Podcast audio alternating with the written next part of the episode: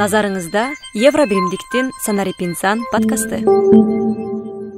Урматтуу угармандар ободо санарип инсан подкасты алып баруучулары кесиптешим сапаргүл абдинабиева жана мен ажыбек нурланов. Бүгүн биздин абдан кызыктуу коногубуз менен маек болмокчу омар даиров кыргызстан студенттери жашыл экономика үчүн коомдук бирикмесинин жетекчиси саламатсызбы? Саламатсыздарбы. Келгениме абдан кубанычтамын. Чоң рахмат чакырганыңызга. Омар кош келипсиз биздин эфирге. Жалпы эле теманы бүгүн жашыл экономика тууралуу сүйлөшөбүз. Кирерден мурун жалпы киришүү сөзүн айтып кетсеңиз анткени бизде түшүнүк бар. Жашыл экономика дегенде эле элдин баардыгы балким бул эко проект же болбосо жалгыз гана климаттык өзгөрүүгө тиешелүү же болбосо айлана чөйрөгө гана тиешелүү деп ойлошу мүмкүн. Бирок негизги мунун мазмуну жана келечек пландары тууралуу кыскача айтып берсеңиздер. Жана ушул коомдук бирикмени студенттер түзгөн турбайбы? Эмне үчүн түзүп калдыңыздар. Чоң рахмат сурооңуздарга негизинде жашыл экономика жөнүндө сүйлөп атканда биз бир чоң тенденциялар менен тааныштырып кетебиз. Азыр негизи дүйнө жүзүндө эки тенденция бар эки крупный тенденция. Биринчи цифровизация деп коебуз. Кибер дата сайенс блокчейн деген ар кандай долбоорлор санариптиштүү долбоорлор.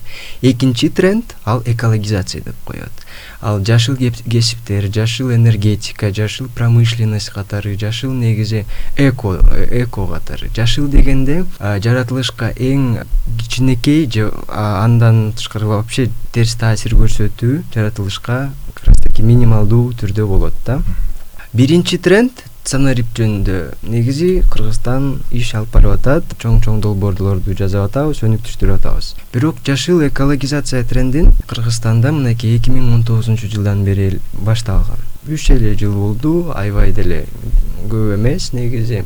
Ошо экинчи трендти өнүктүрөлү деп кыргызстаныбызды жашыл жол менен өнүктүрөлү деген ой максат менен ошо коомдук бирикмебизди ачканбыз. Негизинде азыр э, климат өзгөрүп атат өзүңүздөр билесиз. Биздин мөңгүлөрүбүз эрип атат аябай климаттан аябай тез таасир жетип атат. Ошондуктан э, индонезияда ж двенти деген встреча өткөрүлүп атат. Ошо дүйнө жүзүндө жүз токсон алты өлкө бар. Жүз токсон алты өлкөнүн ичинде жыйырма эле өлкө страны ж двадцать. Особо развитые страны деп коебуз. Дүйнө жүзүнө аябай чоң жамандык кылат. Жетимиш сегиз пайыз co два кычкыл газдарды эмиссия кылып аткан жыйырма эле өлкө бар. Калган жүз жетимиш алты өлкө ошондон жөн эле страдать этип жабыр кылып атат э? жабыр кылып атат ооба.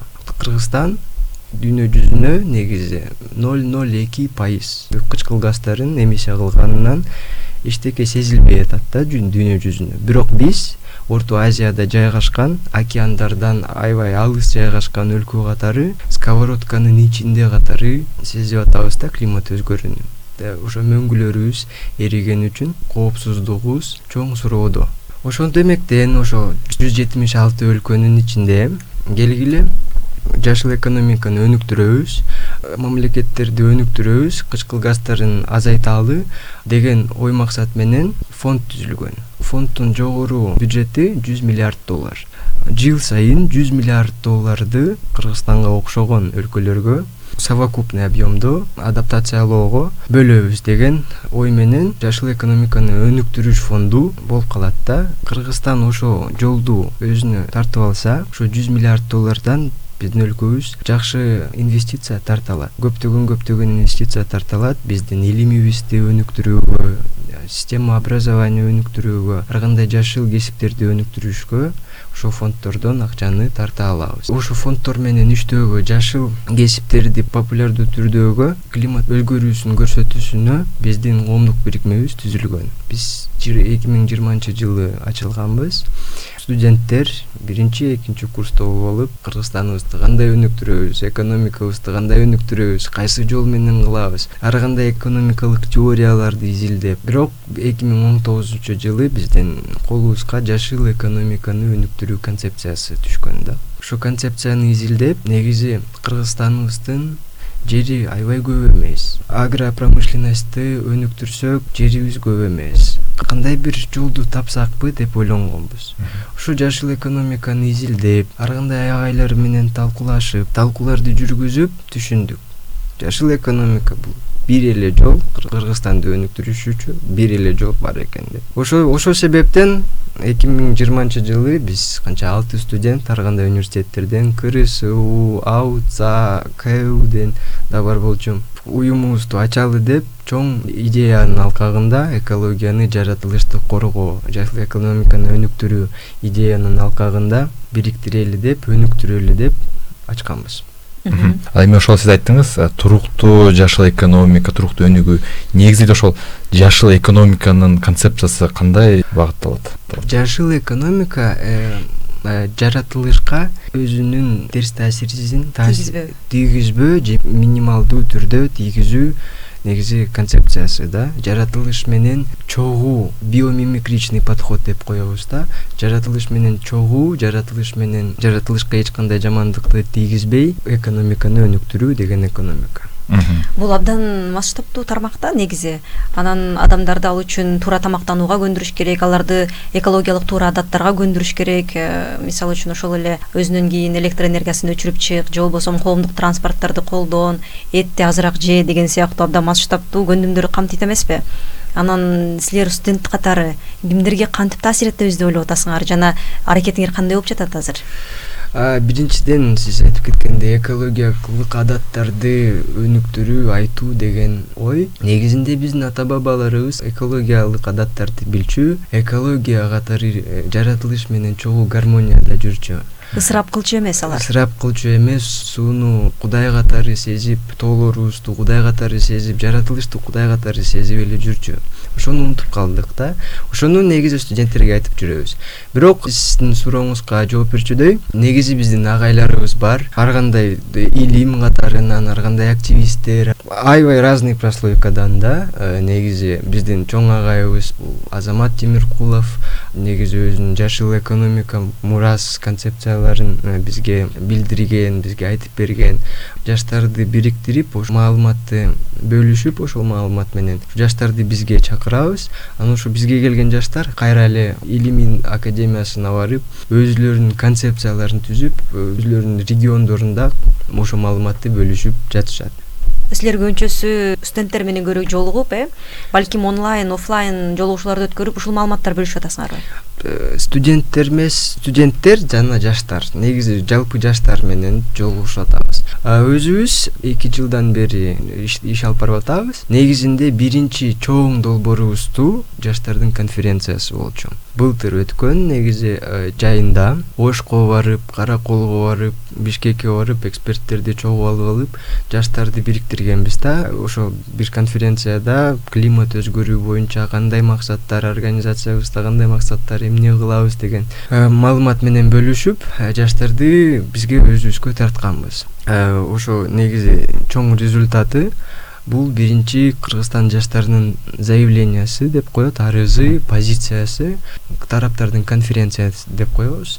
Былтыр глазго шаарында өткөн велико улуу британияда тараптардын конференциясына биринчи кыргызстандын жаштарынын позициясын даярдап жиберип салган жибергенбиз. Биринчи жолу негизи кыргызстан тарыхынын биринчи жолу кыргызстандын жаштары өз ой максаттарын кагазга жазып туруп чоң деңгээлдеги конференцияга жеткирген. Кыргызстанды биринчи жолу бүт баары билип калды кыргызстандын жаштары климатты билет экен деп. Ошондой эле биз чоң долбоорлорду жазып атабыз. Негизи биздин каржылаган. Эл аралык уюмдар бар. Обсе деген проон деген европейский союз европа бирдигинин эме уюмдары. Биздин климат боюнча жашыл экономика боюнча жаштарга айтып берүүнү жакшы колдоп атышат. Аларга да чоң рахмат. Ошондой эле жашыл кесиптер боюнча жашыл жашыл климат боюнча ар кандай программаларды ачып берип атышат. Азырынча жаштарды бириктирсек ошо жашыл кесиптерди популярдуу түрдө кылсак негизи беш же он жылдын ичинде чоң чоң эксперттерди өзүбүзгө тарта алабыз ал ошол эксперттер канчадан миллиондорду миллиарддарды өзүбүздүн өлкөбүзгө адаптациялоого алып келе алышат. Аны кылбасак жыйырма жылдын ичинде отуз жылдын ичинде э, суу маселелери трансграничный водный ресурсы деп коебуз. Өзбекистан менен казакстан менен тажикистан менен аябай э, чоң суроолор болуп калат суу боюнча. Ар кандай экосистема боюнча суроолор болуп калат. Азыр ошондо жаштарды бириктирбесек азыр жаштарга айтпасак анда анда жыйырма отуз жылдын ичинде конфликттер көп болуп калат. Ошол себептен омар э, сиз абдан масштабтуу темаларга тийип атасыз. Эми ушуну биз санарип инсан долбоорун алкагында жашыл технологияларга бурсак да. Жашыл технологиялар багытында сиздердин бирикме кандай аракеттерди көрүп атат? Азыркы учурда кыргызстандагы абалга байланыштуу. Жашыл технология жөнүндө айтып атканда биринчиден биз энергосберегающий энергияны сактоо технологиялар жөнүндө айтышыбыз керек. Кыргызстанда чоң маселе бул энергияны сактоого биздин коом билбейт кандай энергияны сактоого болот. Ошо жашыл технология боюнча энергия сактоону жаштарга билдиребиз. Кандай технологияларды кандай композиттерди кандай немелерди үйдү жылытыш үчүн үйдү өзүнүн бизнестерин жылытыш үчүн кандай инструменттерди колдоно алат дегендер деген маалымат менен бөлүшөбүз бирок жашыл технологиянын ичинде кайрадан энергетика суроосу болуп калат. Технологияны өнүктүрүш үчүн бизге энергия керек. Сиз билгендей эле биздин кыргызстан энергия дефицит абалыбыз аябай оор. Ошол себептен орусча возобновляемый источники энергии деп айтып коебуз. Ал суу гэс деп чакан гэстерди өнүктүрүш чоң гэстерди өнүктүрүш анан дагы күн панелдерин имплементациялоо анан дагы ар кандай э, шамал установкаларды шамал генераторлорду өнүктүрүш катары ошо зеленая технология деп коебуз да. Ошону негизи жаштарга популярдуу түрдө айтып берип кандай киловатт час кандай өнүгүштөрү өнүгүү жолдору бар экени жөнүндө айтып берип атабыз. Азыр жаштар негизи өз өздөрүнүн бизнестерин ачып атышат ар кандай идеялары болуп атышат. Бирок ошол идеялар көбүнчөсү эскирип калды да коричневый экономика деп коебуз. Коричневый экономиканы өнүктүрөбүз деп деген жаштар бар да ошолорго айтабыз. Мынакей азыр ошентсең азыр мейли акча табасың бирок беш жылдын ичинде акчаң өзүңө тийбей калат. Туруктуу эмес. Туруктуу эмес ооба. Омар мырза ыраазычылык билдирем. Биз ойлойбуз э, жашыл кыргызстан жашыл экономика жана санариптик экономика менен туруктуу өнүгүүгө чыгат деп ооба жана дагы биздин студенттердин дагы үнү дүйнөгө жетип өзүңүздөр билесиздер климаттын өзгөрүүсүнө байланыштуу дүйнөдө азыр студенттердин кыймылы абдан күч алып жаткан учуру. Сиздерге дагы ошондой ийгиликтерди күчтүү каалайбыз. Эфирибизди жыйынтыктайбыз. Анда аны алып барган кесиптешим ажыбек нурланов жана мен сапаргүл абдинабиева конокто болсо кыргызстан студенттери жашыл экономика үчүн коомдук бирикмесинин жетекчиси омар дайыров болду. Аман туруңуздар. Чоң назарыңызда евробиримдиктин санарип инсан подкасты